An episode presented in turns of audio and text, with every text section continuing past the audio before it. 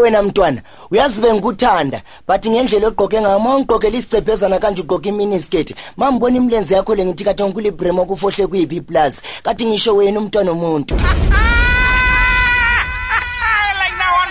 Radio Dialogue giving you a voice.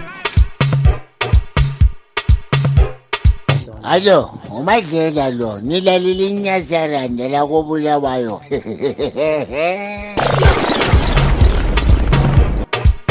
kobulawayo. Siyabonga kabe kambe kukwamukela ku podcast yakho i podcast yakho iphawulela yithi kanye abangani bakho ke ngikhuluma abangani bakho i-radio dialogue umsakazo kaZulu umsakazo kabulawayo ngikhuluma phela nge-dialogue podcast la uyazazela ke i-podcast ke luhlelo makhaza ke siwasithatha isikhathi sithi gaga ungakhohlwa inamba yakhona 0773 089120828598 ngala ufuna ukuphosela kwigalelo khonapha ehlelweni funa ukuthi uthi wena-ke wakho umbona uthini ngasona lesi sihloko esilaso-ke namhlanje. Namhlanje sikukhangeleyo-ke ludaba-ke olujayelekileyo kodwa-ke siyahlalahlala sixoxe ngalo ngoba phela into lezi seziyingxenye empilo yethu. Ngikhuluma-ke ngendlela-ke abantwana besikolo abagqoka ngayo-ke kulezi nsuku uzakhumbula ukuthi inyuvesi eyithile-ke khonapha-ke elizweni lakithi yathi-ke sekuqakathekile-ke ukuthi-ke ubuye-ke ubizwa kuthiwa i-dress code indlela-ke abantwana besikolo abagqoka ngayo. Kuthiwa into ezinjengama-minisketi ama-bum short eh, iziketi leziyana ezilamaventi amade kakhulu. No azisavunyelwa ke kuleyo nyuvesi ke khonaphana ngenxa yokuthi kuthiwa ke lezo mpahla ziyaphazamisa ke laphana ke abafundi ke beselisa njalo ke laba abalisi abanye ke abaphazamisa njalo ke yizo ke izinto ke ezibangela ke ukuthi ugcine kulezigameko zokuthi ke abantwana bedlwengulwe ezikolo. Lamba abalisi begcine ke beshela ke abantwana ke besikolo ngoba babe sebesuke bahawukela. I think a person has got the right to dress the way he or she likes.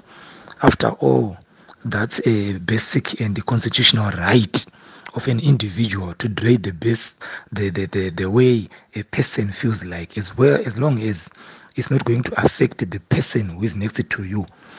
Maybe what we can talk about is the issue of a person uh, walking in the streets stuck naked but as long as someone is good is uh, wearing something it doesn't matter how much it's revealing because what uh, you call a short dress to to yourself might not be what i call a short dress myself because the definition of short differs from person to person. So that's a hogwash and bullshit. A person should dress the way he or she wants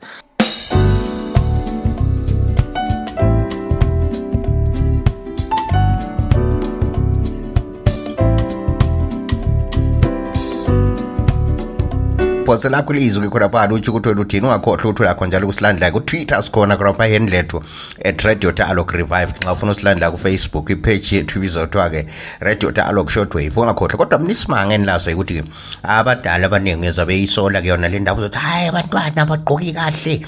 Abantwana besikolo sebegqoke into ezifitshane kakhulu. Kodwa ke bona laba bantwana nibaphuma emizini elabazali ye so ke kuba yilokhuyana ukuthi wena ke ubona ke isitiki somentshisi siselihlweni lami sehleke ubona ke inkalatha esigodo esikwelakho ilihlo ke laphana. Ngoba nxa wena ubona ukuthi ke omunye umntwana uphume ke emzini olabazali uphume egqoke ngawona le ndlela wena uyichothozayo uzathola ukuthi lo wakho umntwana. Phandle ke khona ngale bakhona abamchothozayo bakhona abamangalayo ukuthi kanti lo mntwana uvelanga asazi njalo ake sizwe kade abadala bathini. Uma lento izoba right kumele iqale ekhaya. Imfundiso kumele iqale ekhaya. Eh ama miniskirt bathengelwa yithi abazali ayikho ingane ehambe yozithengela isiketi esincane. Ayikho ingane ehambe yozithengela into ethayithayi ehamba iveza ilokhuzeni ishepu yenkomo. Kumele iqale ekhaya before siye ema-university. Isizathu waye ngithi kumele siqale ekhaya izinto ezingalunganga ezimbe ezisihlukume ukuhlukumezeka kwabantu kwabafazi kwamantombazana kungakanani manje? Sibuyele emuva si-check ukuthi eminyakeni eyadlulayo amantombazana abehlukumezeka ngale ndlela ahlukumezeka ngayo yini. Ama-rape cases abefana lama-rape cases akhona manje yini. Then you'll discover ukuthi years back thina sikhuliswe ngendlela yokuthi vele bekungavunyelwe abadala bebetshaya yabo? Bebekhona yebo abafuna ukuziphilisa sikhiwa khiwa khiwa lapho. But abantwana bakhona bebesonakala. Okwama-minisketi liyananzelela ukuthi ngalezi nsuku zokutshisa lezi sikizwe sibala ama-minisketi labantwana besikolo sesibala nje wonke muntu okhona okuhambeni khonapho esihlangana labo bahamba nqunu isisu siyabe sigcwele phandle imilenze phandle abanye abafaki wona amathayithi wona la elikhuluma ngawo. Abantu bahamba nqushe umhlaba asabe asawuhloniphi le mzimba yabo abasayesabisi. Abantwana sebeyandisa libona amarephu abantu seberejwa ukuthumuthumu sokuthiwa abantu barejiwe abantu sebethe. Indlela esiziphatha ngayo abantwana abasahloniphi njalo kubona abantwana bezithwala bebancuncuncu imzimba abasayihloniphi. Umuntu angaze emdlalise embamba bamba umzimba wakho soze umbone sethuka ukuthi umzimba wakho uya yahlasimuka ukuthi umuntu lo indaba embamba so yabona pho nguthokoza nje kusiba yinto enhlehleka nje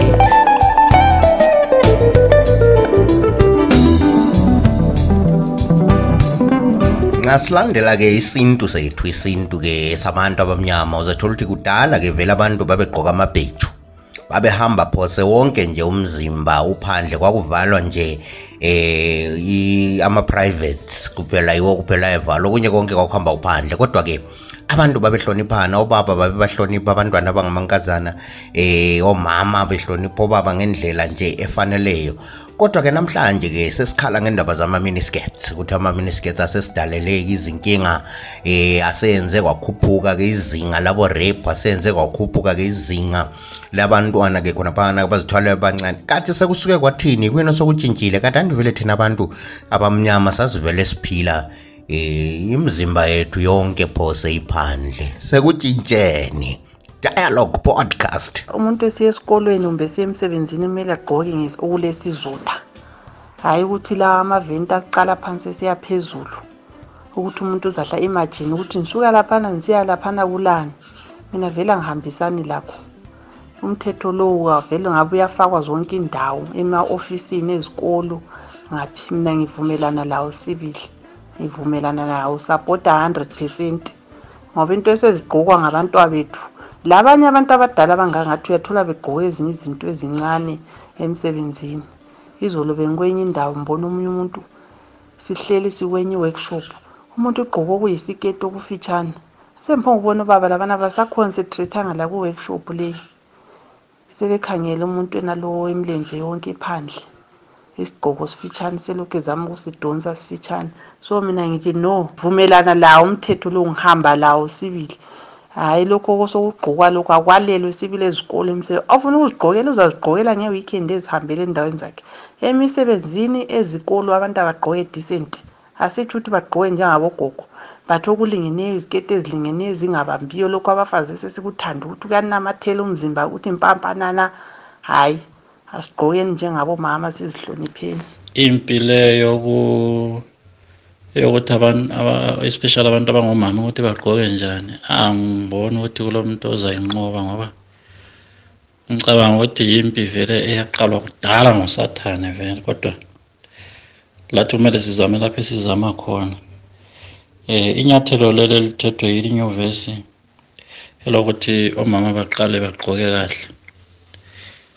Ngicabanga ukuthi inyathelo elihle lanxa selidlulelwe yisikhathi. ngoba aba omama uma ufuna ukuqala impi vele eyokuthi nxa ufuna bakwazi ukuthi impi kayipheli ngeyokugqoka eh angazi ukuthi kusuka kuthini ngoba uyathola ukuthi umuntu uyabe engafuni ukuthi ungene uma egqoka kodwa uma esephuma uphuma engagqokanga usuzibuza ukuthi indaba vele engahlanga wagqokela phandle. Mina ngokubona kwami ngibona ngani umthetho lo uright kakhulu because obaba abaningi bayenza i-excuse ngokuthi maybe setholakala irepho umntwana athi yena ubegqoke isigqoko esincane or erivile kakhulu umzimba. Kodwa kathesi uzaswela ukuthi uzacatsha ngani umuntu okwenzileyo akhangelane lengalo yomthetho so hayi umthetho lo right kakhulu. Abantwana nje laba bafundiswa ukugqoka okuhloniphekileyo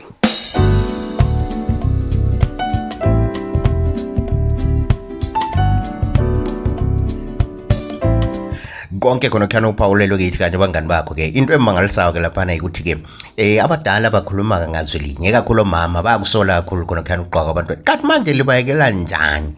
Bephuma ngikhaya libakhangele begqoke ngendlela yona lana eliyisola. Abanye bakhuluma ngokuthi ke yikho kunye ukubangela ukuthi ke abantwana beze behlwengulwe abanye bakhuluma ngokuthi yikho kubangela ukuthi abantwana bezithwale bancane kanti manje nxa likwazi likwekelelani lekelelani isigamba simemetheke ibhrugo limemetheke ukudabuka kulokuthi lilifake isigamba. Lehlulwa yini bazali?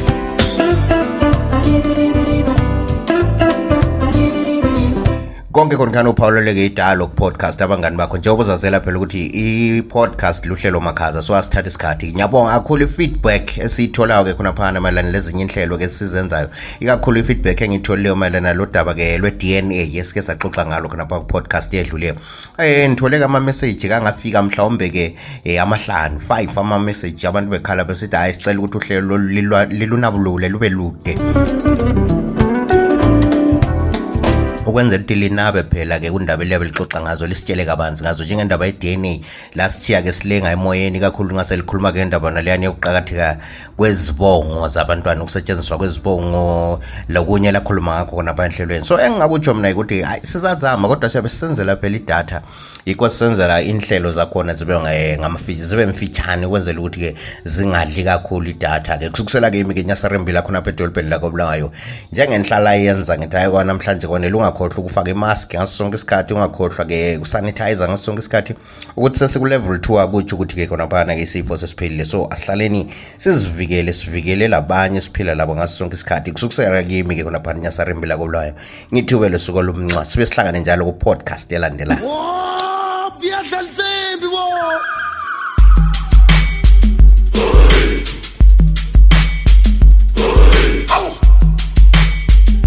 Radio Dialogue giving you a voice.